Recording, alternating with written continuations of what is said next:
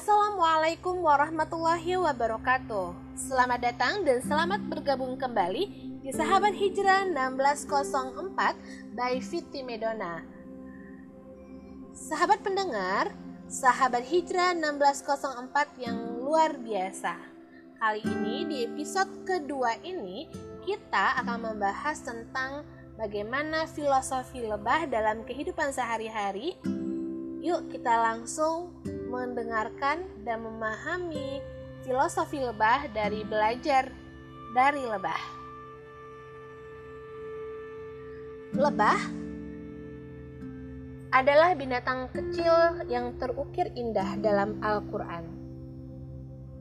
Allah mengabadikan namanya pada salah satu surah dalam Al-Quran An-Nahl. Tentu ada keistimewaan yang dimiliki hewan ini, hingga namanya termaktub dalam kitab yang sungguh suci dan mulia. Surat An-Nahl surat ke-16 ayat 68-69 menjelaskan bagaimana indahnya ciptaan Allah yang kecil ini. Lebah diciptakan Allah Subhanahu wa taala dengan banyak memberi manfaat bagi manusia. Di antara manfaatnya adalah madu. Tak hanya itu, perilaku hewan ini harus menjadi panutan bagi kita, cerminan akhlak bagi muslim sejati. Perhatikanlah kehidupannya. Ada banyak manfaat yang bisa diambil hikmahnya dari lebah Yang pertama, lebah hanya menghisap saripati bunga. Artinya, dia akan meng, hanya menghisap yang indah, yang manis. Dia hanya mengambil yang inti dan membiarkan yang lain. Lebah tahu yang menjadi kebutuhannya hanyalah saripati, bukan yang lain. Ini mengajarkan bahwa setiap muslim harus mengambil sesuatu yang baik, halal, sebab mengambil hak yang lain hukumnya adalah haram. Luar biasa, bukan? Kedua, lebah menghasilkan madu.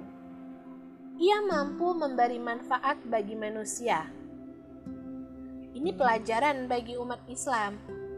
Madu berasal dari saripati bunga yang baik, bahkan keluarnya pun baik sesuatu yang halal keluarnya halal dan ia akan memberikan manfaat bagi orang lain. Yang ketiga, belajar di lebah. Lebah tidak pernah merusak.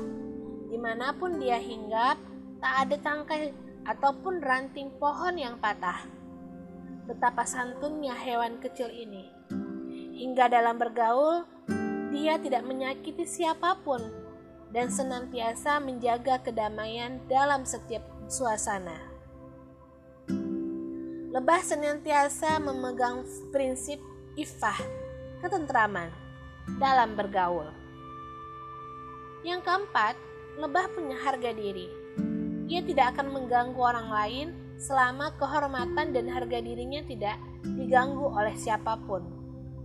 Namun, ketika dia harga dirinya dizolimi, ia akan siap menyengat. Artinya, dia tidak akan pernah mencari lawan. Dia menjaga kesucian dan menjaga kehormatan dirinya, tapi tidak boleh orang lain untuk mengganggunya. Prinsip itulah yang selalu lebah pegang. Dengan arti kata, satu diserbu, seribu akan menyerbu. Allah memberikan pelajaran bagi manusia untuk hikmah dari lebah. Ia makhluk kecil yang memberi manfaat yang sangat besar. Terkadang, hal yang kecil menurut kita justru sangat memberikan manfaat yang luar biasa bagi orang lain. Adapun hikmah dari lebah, secara ringkas saya akan jelaskan. Yang pertama, dia mempunyai filosofi satu diganggu, seribu akan menyerbu. Artinya kekompakannya yang luar biasa. Yang kedua, di mana pun dia berada, dia selalu meninggalkan kesan yang manis. Tidak pernah merusak apa pun mengganggu tempat dia berada.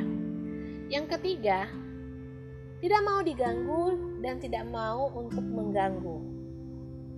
Yang keempat, dia selalu memakan atau menghisap yang manis dan punya haknya dia saja. Artinya dia tidak akan mengambil hak orang lain. Selamat belajar dari lebah. Episode kedua dari podcast ini kita belajar lagi bahwasanya alam takambang jadi guru. Episode pertama alam takambang jadi guru dari ikan. Yang kedua belajar dari alam takambang jadi guru dari lebah. Terima kasih telah mendengarkan podcast ini. Semoga bermanfaat. Dan jangan lupa untuk like, comment, and subscribe Sahabat Hijrah 1604 podcastnya Fiti Medona. Wassalamualaikum warahmatullahi wabarakatuh.